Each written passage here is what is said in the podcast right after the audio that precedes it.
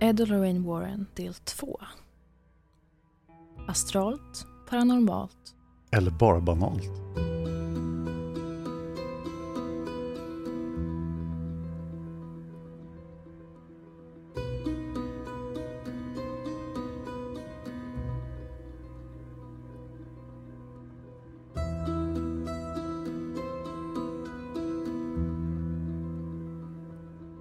Välkommen till podden Fenomen med Maja Hjelm och Dan Hörning. Vad hände sist? Då? Ja, du avslutade med en fruktansvärd cliffhanger. Det var de blev kända på grund av det här berömda fallet 1968. Men du sa inte vilket fall det var. Och då tänker jag ju direkt på huset som Gud glömde. Mm. Kan det vara det? Nej, Är det för tidigt? det, är, det här är för tidigt. Mm. Um, Ed och Lorraine fick nämligen nys om en märklig docka. Som det skedde minst sagt konstiga saker kring. Det var studenterna Donna och Angie som bett ett annat medium om hjälp kort efter det att Donna fått dockan i present av sin mamma. Det började med subtila saker såsom att dockan ibland ändrat position utan att någon av tjejerna rört den och snart kunde de till och med hitta den i ett annat rum än det som de lämnat den i. De började hitta lappar runt om i lägenheten som det stod “Help me” på, skrivet med ett barns handstil. Ryan Reynolds här från Mint Mobile. Med priset på nästan allt som går upp under inflationen, trodde vi att vi skulle bring priser prices down. So to help us, we brought in a reverse auctioneer, which is apparently a thing. Mint Mobile unlimited premium wireless. Ready to get 30, 30, bit to get 30, bit to get 20, 20, 20, bit to get 20, 20, bit to get 15, 15, 15, 15 just 15 bucks a month. So, Give it a try at mintmobile.com slash switch. $45 up front for three months plus taxes and fees. Promo rate for new customers for limited time. Unlimited more than 40 gigabytes per month. Slows. Full terms at mintmobile.com. Men allt eskalerade dock när Angies pojkvän Lou påstod sig vakna mitt i natten av att dockan satt på hans bröst och försökte strypa honom. Hur stor docka pratar vi om? Mm, du ska snart få se en bild Åh. på den här. Uh, och det var här som det första mediet kallades in. Som påstod att dockan var besatt av en liten spökflicka vid namn Annabelle Higgins. Ringer det Annabelle. klocka? Ja, det ringer klockor. Väldigt mycket klockor. Mm. Och när Ed och Lorraine Warren hörde talas om det här så blev de nyfikna och ville själva besöka dockan.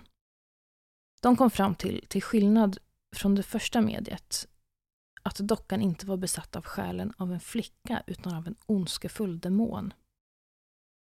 De erbjöd sig därför ta med dockan, som fortsatt fick heta Annabelle, till sitt museum i Connecticut. Och det här tackade förstås Donna, som ägde dockan, tacksamt ja till. Och på vägen hem så påstod Ed och Lorraine att bromsarna på deras bil flera gånger slutade fungera. Och att de flera gånger var nära att köra av vägen. Ed ska då ha utfört en minrensning av dockan vid vägrenen, efter vilket bromsarna med en slutade att krångla. Dockan satt därefter och sitter antagligen fortfarande i en låda bakom glas på museet, som dock inte är öppet nu för tiden, men det återkommer jag till sen. Jag vill ju inflika här att om du åker med din bil och bromsarna slutar fungera, när det hände första gången, sluta åka med din bil och ring en bilreparatör. Mm. Och om du sen känner att du kan fördriva det här med ditt krucifix, då ska du ändå ringa en bilreparatör. Det är ett bra tips. Det står jag bakom. Och det här fallet var starten på en enorm framgång för Warren-paret och ett unikt kändisskap som skulle vara livet ut. Och det har gjorts flera filmer om Annabelle-dockan. Har du sett de här filmerna? Ja. Vet du hur dockan ser ut i verkligheten? Nej, jag tänker mig att den ser ut precis som i filmerna. Du ska få se en bild. Kan du förklara hur den ser ut i filmerna? Är den läskig? Det är, det är en väldigt läskig docka och den är stor som ett fyraårigt barn. Mm, porslinsdocka, va? Ja, porslin, riktigt, porslinsdockor i sig är ju riktigt creepy. Men Annabelle tar priset. Annabelle är riktigt creepy. Eh, Hon har två, två flätor. Um, mörkt hår och väldigt... Ja, ni får kolla upp en bild på henne. Men Nu ska jag visa Dan den riktiga dockan. Nu är den säkert jättefånig. Oj, den ser mer ut som Chucky, om vi ska prata om skräckfilmer. Ja, den ser ju väldigt obehaglig ut. Den har rött hår och den har ett väldigt enkelt ansikte som mest ser sytt ut. Det är två knappar som ögon. Och eh, munnen ser mer ut som ett uh, igensytt R. Den har en liten vit blå klänning, eller ett vitt förkläde, en blå klänning, mamlucker och, och strumpor som går över hela benen och svarta skor. Och väldigt primitiva dockhänder. Men är det inte för att, för att den ser så ofarlig ut som att den blir läskig? Alltså, jag tycker inte alls den ser ofarlig ut. Den tycker ser inte? lite läskig ut. Mm. Det är en klassisk, det är en tygdocka. En stoppad docka. En mjukisdocka. Eh, vi kan lägga ut den här bilden kanske Ja, det tycker jag. på vår Instagram. Vänta, jag vill inflika en grej här. Mm. Det är en, ett perspektiv vi glömmer i den här historien om Annabelle. Och det är ju den här stackars ängeln som då hängde i himlen, tröttnade på allt skit han fick av Gud, gjorde uppror, blev påkommen, blev nedskickad till jorden, var en demon, var less på det och tänkte okej, jag besätter den här dockan för att ha någonting att göra Mm. hamnar hos det här paret, börjar spöka lite. Äntligen händer någonting kul. Sen kommer Ed och Lorraine Warren och stoppar ner dockan i en låda och ställer in på museum och där är den här demonen fast nu. Mm. Vilket liv. Undra på att den försökte sabotera bromsarna. Mm. Och visst är det så, eller jag har hört um, att demoner tar eh, besättning, kan man säga så? Ja, Man tänker att här, framgångsrika demoner tar besättning av människor, men vissa väljer till dockor. Mm, precis, och de väljer oftast något väldigt ofarligt och harmlöst till en början för att komma nära. Ja, och sen var planen att hoppa vidare till någon annan, men den här stackars demonen fastnade i dockan. Demonens tanke enligt Ed Lorraine var att ta över någon av de här flickornas, studenternas kroppar. Donna eller Angie. Och det var därför också de ville ta med dockan till museet. För att förhindra det. Och det verkar ha lyckats. Mm. Efter Annabelle-fallet så avlöste de uppmärksammade fallen varandra. Ett av de mest kända är ju det här som du nämnde. Amityville-fallet, huset som Gud glömde. Och det här har inspirerat mer än ett dussin skräckfilmer. Jag har sett siffror som 30 stycken skräckfilmer. Det är ju också ett fruktansvärt massmord från början och sen blir det ett spökhus. Mm. Jag tänkte jag skulle berätta lite om det här massmordet. Oh ja. Eh, och det var den 13 november 1974. Då vaknar en 23-årig man vid namn Ronald DeFeo Jr. upp klockan 03.15 på morgonen. Tar sitt gevär och går från rum till rum i huset och skjuter ihjäl hela sin familj. Som förutom föräldrarna bestod av två systrar och två bröder. Och det märkliga med det här fallet var att alla offren dödades till synes i sömnen liggandes i sina respektive sängar som om ingen av dem hört ljudet från skotten och försökt fly. De var inte heller drogade och det är fastställt att det inte användes någon ljuddämpare. Den här händelsen sägs vara grunden till de fortsatt märkliga händelserna i huset på 112 Ocean Avenue i Amityville. I december året efter morden så flyttade en ny familj in i huset trots alla varningar nämligen Kathy och George Lutz med sina tre barn. De fick ju säkert ett jättebra pris på det huset. Ja, Ingen ville bo där. Och det här kanske var innan man var tvungen som mäklare att berätta sånt här för köpare i USA, men det är ju en regel där. Och, så, och de bara, nej det finns inga spöken, vi testar. nej, de visste om massmordet och de berättade att de hade tagit in ett slags medium som välsignat huset innan de flyttade in. Och det här mediet sa att vad ni än gör, använd inte ett specifikt sovrum på övervåningen. Men det här struntade familjen i. Och de använde det här sovrummet ändå. Men efter bara 28 dagar så flyr familjen huset i ren skräck efter att ha upplevt ett rent helvete.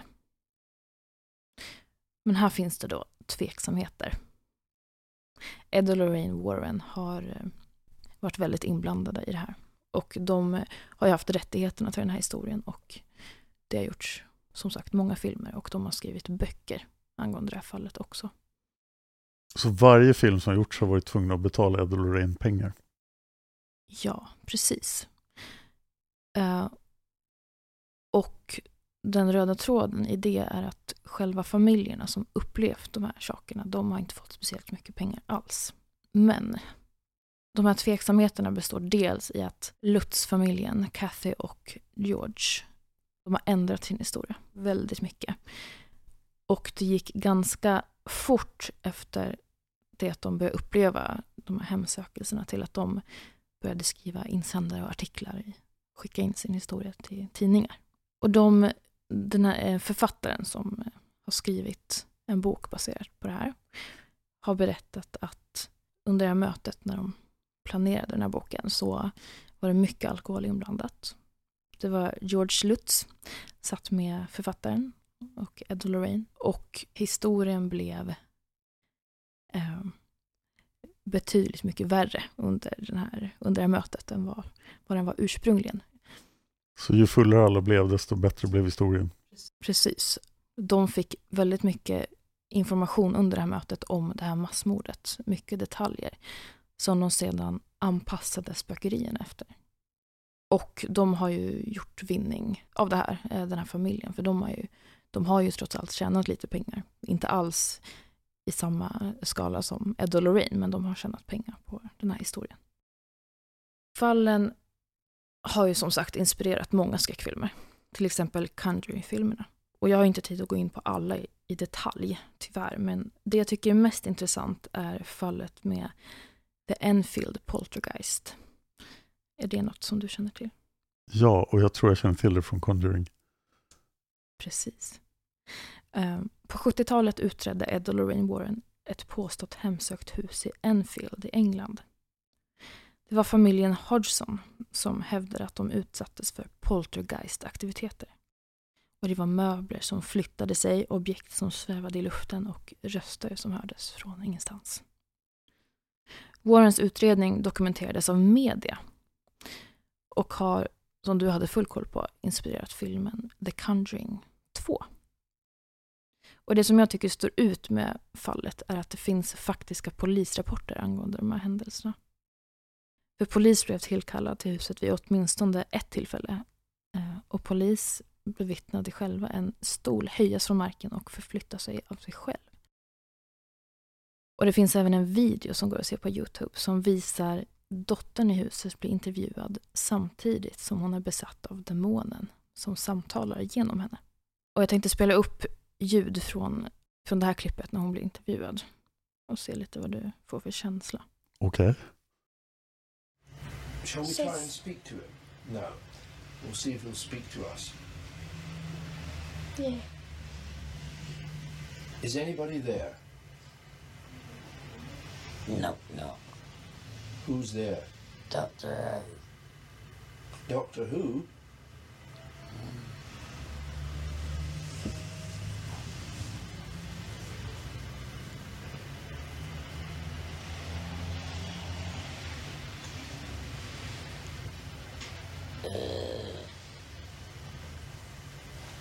Chases here. Ja, vad tycker du? Det var ju väldigt eh, konstigt. Hur gammal är hon? Hon är 11. Hur kan en 11-åring producera en sån där röst? Jag kan förstå att det här blev ett berömt fenomen. Mm. Och hon ser ju ut som att hon driver med dem. Mm. Alltså hon ser ju, hon har en jättekonstig mimik, hon tar sig själv i ansiktet hela tiden. Men rösten var ju väldigt anmärkningsvärd. Om min 11-åring lät sådär, då skulle jag skicka henne till påven.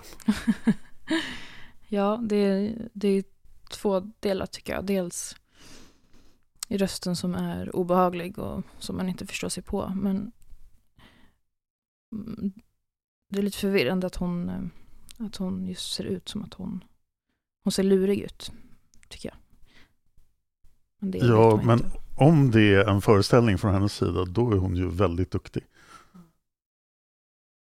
det känns ju väldigt stort att det finns en polisrapport att poliser hävdar att de har sett det. Mm. Det tycker jag är väldigt fascinerande. Och talar för. Ja. Eh, att det verkligen har skett någonting övernaturligt här. Men i takt då med att paret Warren tog sig an allt större fall och ju större kändisskapet växte sig så växte även de kritiska rösterna, såklart. Många kände sig skeptiska gentemot deras arbete och en del påstod att de kort och gott var bluffmakare som tjänade pengar på folks missöden. Lorraine ville bevisa att hennes förmågor var äkta varav hon lät sig testas av en känd forskare, psykiatriker och parapsykiatriker, Dr. Thelma Moss, som bedömde att Lorraines clairvoyance var far above average, alltså långt över genomsnittet. Jag har inte hittat så mycket info om hur de här studierna gick till. Jag har ju sett sådana test. Har du gjort det? Ja, att man Mm. har, säg 25 olika kort och så ska man gissa vad som är på dem. Och så kanske en vanlig person lyckas rätt, gissa rätt två gånger. Mm. Men att Lorraine kanske gissar rätt åtta gånger. Nu sitter jag bara och killgissar. Men Nu låter du lite, lite troende. nej, det är jag inte. snart. Och det här är, en, är ju en omtvistad fråga. Om Lorraine och Ed Warren var fake eller inte. Det som gör det så svårt att förhålla sig till enligt mig är att de som engagerar sig verkar vara antingen det ena eller det andra. Antingen väldigt troende eller väldigt skeptiska. Det är svart eller vitt, finns liksom inget mittemellan riktigt. Det är ju lite en ett eller noll fråga. Mm. Att eh, ja, antingen är de naturligt eller inte. Men om de var bluffmakare, då måste man ju säga att de är bland de bästa bluffmakarna någonsin. Mm. Och vad jobbigt för dem om de var bluffmakare och sen någon gång springer de på någonting övernaturligt. Mm. Fast då skulle deras reaktion säkert vara, åh, det här kan jag tjäna ännu mer pengar på. Något övernaturligt, typ karma. Ja. Jag ska ta upp några omständigheter som skeptikerna menar är bevis på att Lorraine och Ed var bedragare. Det finns en förening som heter New England Skeptical Society. Det låter verkligen som en motförening. Det är en motförening i högsta grad. De undersökte många av Warrens påståenden. Och deras ord om Warrens var citat. Du träffar dem och, åh herregud, killen hade ingen aning om vad han gjorde. Visste inte det minsta av sånt som är relevant för paranormal undersökning eller spökfenomen. Han beskrev också Warrens okulta museum som fullt med halloweenskräp, dockor och leksaker. Men då får man tänka att de här är ju The Skeptical Society. Ja, och folk har genom åren letat fel och motsägelser i de paranormala utredningarna genom att bland annat se filmer och läsa böcker baserade på fallen. Och jag tänker att jag hänvisar till Netflix-dokumentären eh, Devil on Trial som jag faktiskt har sett jag med. tre gånger i helgen. Som Ja, jag, jag. jag har bara sett den en gång. ja, du har sett den. Ja. Den handlar om rättegången kring ett ökänt fall som Warrens var inblandade i och som även är grunden för den tredje Conjuring-filmen med titeln The Conjuring 3. The Devil Made Me Do It. Åh, Mm. Ed och Lorraine deltog i en påstådd exorcism av en 11-årig pojke vid namn David Glatzel i början av 80-talet. Demonen flyttade från David till sin stora systers pojkvän Arne Jonsson under exorcismen eh, eftersom Arne bad om det här. Dokumentären innehåller familjens egna ljudinspelningar och fotografier eftersom de efter Ed och Lorraines rekommendation var noga med att dokumentera allt som hände. Och hela exorcismen är inspelad och man hör mycket riktigt Arne utropa Lämna den stackars pojken i fred och ta mig istället. Efter vilket David, eh, 11-åringen, ramlar ihop och utdrivningen är slutförd. Strax efter exorcismen på David så dyker Ed och Lorraine upp på polisstationen i Connecticut och ber om att få tala med någon. Lorraine berättar om händelserna runt familjen Glatzel och förklarar att hon har haft en syn om att det skulle ske ett allvarligt brott med en kniv inblandad. Polisen tog inte det här på allvar, men de blev förvånade när det kom in ett larm fem månader senare som liknade det här, den här synen. Arne hade nämligen knivmördat sin hyresvärd och vän, men påstod sig själv inte minnas någonting utav händelsen. I rätten använde sig hans försvarsadvokat av vad som kom att kallas demonförsvaret, där de hävdade att Arnes oskuld var självklar eftersom handlingen utförts under inverkan av en demonisk besatthet. Det hade ju varit intressant om de hade lyckats med den här försvarsstrategin Mm. och fatta vad varenda mördare skulle ha bara, nej det var en Jaha. demon. Det var inte jag, vad konstigt. Ja, eller hur? De lyckades inte ens få, få det godkänt som försvar. De fick inte använda det som försvar i rätten. Eh, Så de kom inte så långt med det. Men David, pojken som från början var besatt, hade en äldre bror vid namn Karl som konsekvent hävdat genom åren att familjen fejkade och överdrev incidenter medan Warrens hetsade och uppmuntrade dem i jakten på berömmelse och rikedom. Han menade att hans lillebrors påstådda besatthet berodde på obehandlad mental sjukdom. Och 2007 stämde han Warrens och hävdade att deras bok om fallet bestod av fullständiga lögner och att Warrens kokat ihop en falsk historia om demoner i ett försök att bli rika och berömda på familjens bekostnad. Den äldre brodern menar sig även ha bevis på att modern under hela barnens uppväxt har förgiftat familjen med sömnmedel som under långvarig behandling kan ge biverkningar såsom viktökning och hallucinationer. Än idag, de här syskonen i den här familjen är väldigt oense och de har ingen kontakt idag eftersom de har så olika bilder på vad som hände. Ja, det var jättespännande att se i Netflix-dokumentären The Devil Made Me Do It hur övertygade alla var Mm. om den ena sidan eller den andra. Mm, precis. Och David, eh, 11-åringen som var besatt, han hävdar fortfarande att han, han var besatt.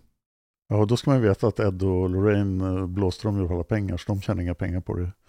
Precis. Och det, Eller väldigt lite pengar. precis, och det berättar familjen om att även de som fortsatt tror på att David var besatt och att mordet som Arne begick berodde på besatthet sen har förlorat allt förtroende för, för eh, Ed och Lorraine. Eh, och de säger att de är grundlurade. De sålde historien till Ed och Lorraine för väldigt lite pengar. Det här var på 80-talet och den senaste filmen baserat eh, på det här, ja, den här Conjuring-filmen, den kom, jag har för mig att det var 2016. Så det är ju väldigt många årtionden som de har tjänat pengar på den här historien. Vet man med säkerhet att Lorraine gick till polisen innan mordet? Polisen berättar om det här i dokumentären. Det är inte så otroligt att om, om de hade kommit dit och sagt att det kommer att ske ett knivmord, förr eller senare gör det ju det, Mm. men att det knivmordet just skulle involvera Arnie Mm. och Och precis den här familjen. på rätt sätt. är ju, Mm. ja, det, det är så roligt att det är en amerikan som heter Arne. Jag reagerar på det varenda gång man tittar Mm. på det. Men att det skulle hända i så nära anknytning till den här familjen efter att Arne har skrikit det där Mm. vid exorcismen, det är ju och att Ed och Lorraine sen har mage att fortsätta driva det här fallet och tjäna jättemycket pengar på det när det ändå har skett ett mord. När Lorraine var hos polisen, då var det specifikt Arnie, Arne som hon var orolig för. Och att det var just han som skulle vara inblandad i något slags knivvåld. Det är ju väldigt anmärkningsvärt i så fall. Om inte Ed och Lorraine trakasserade poliser hela tiden och sa det här kanske kommer att hända. Och så Mm. till slut någon gång får de rätt. Mm. Men också eh, den här Arne intervjuas i dokumentären och han, varken före eller efter så har han eh, någon slags historik om våld eller tendenser till våld. Och man får bilden av att han verkar ganska empatisk. Och hans bild av händelseförloppet och mordet är ju att han inte minns någonting. Och hans definitiva uppfattning är inte att han var besatt, men att han åtminstone inte minns. Ja, det är ju en väldigt speciell historia. Mm. Och att Ed Lorraine verkar ju vara väldigt intresserade av att fria honom också och vilja vara med i rättegången. Mm. De engagerar sig mycket. Men det kanske bara också ett sätt att få mer uppmärksamhet. Mm. Och här tycker jag man måste separera också på de faktiska händelserna med familjen och Lorraine och Ed. För det är ju möjligt, säger jag som troende, att det var på riktigt det som skedde familjen, men att Ed och Lorraine utnyttjade situationen. Ja, men det verkar ju vara så Ed och Lorraine går tillväga. De hör talas om ett fall, de åker dit och gör det mycket värre. Mm. För det var också så med, med Annabelle, eh, dockan, att det var ju redan uppmärksammat Ja. när de åkte dit. Jag tänker mig att de varje morgon satt och läste tidningen och bara, vad har hänt för konstigt nu?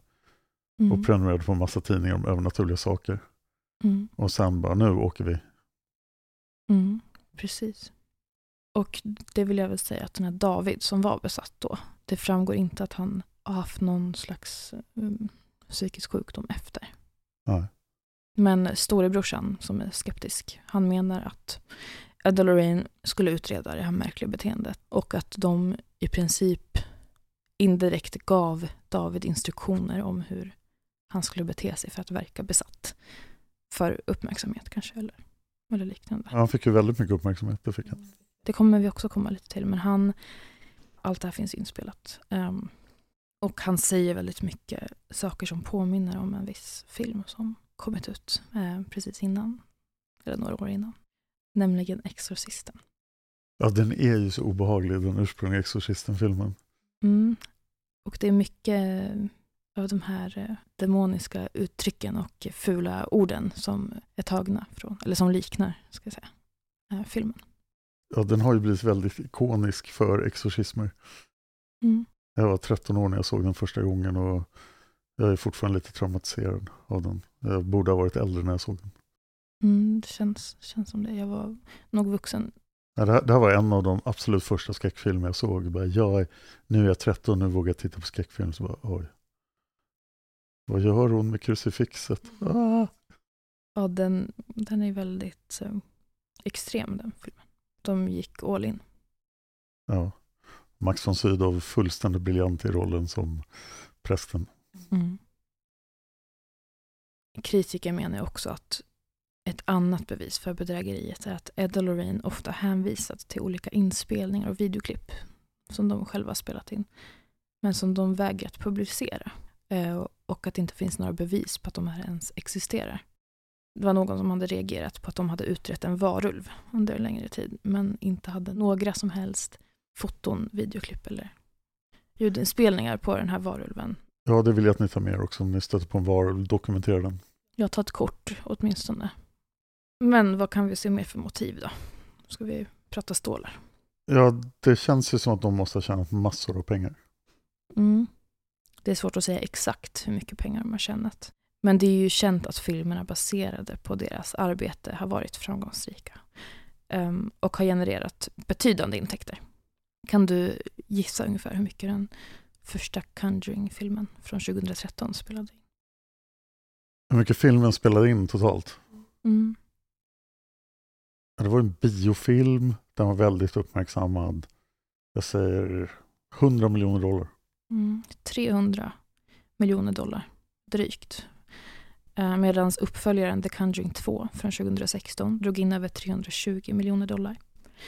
Och dessutom har andra filmer som Annabelle och The Nun som är kopplade till fallen också varit framgångsrika på biograferna. Och de har ju varit smarta och eh, köpt eh, historierna bakom hemsökelserna. Så att de har fortsatt kunna spela Så de har alltid haft rättigheterna till historierna och varje gång någon ska göra en bok eller göra en film om det så måste de betala. Mm. Som jag har uppfattat det och förstått det. Så. Blev de aldrig åtalade för något brott?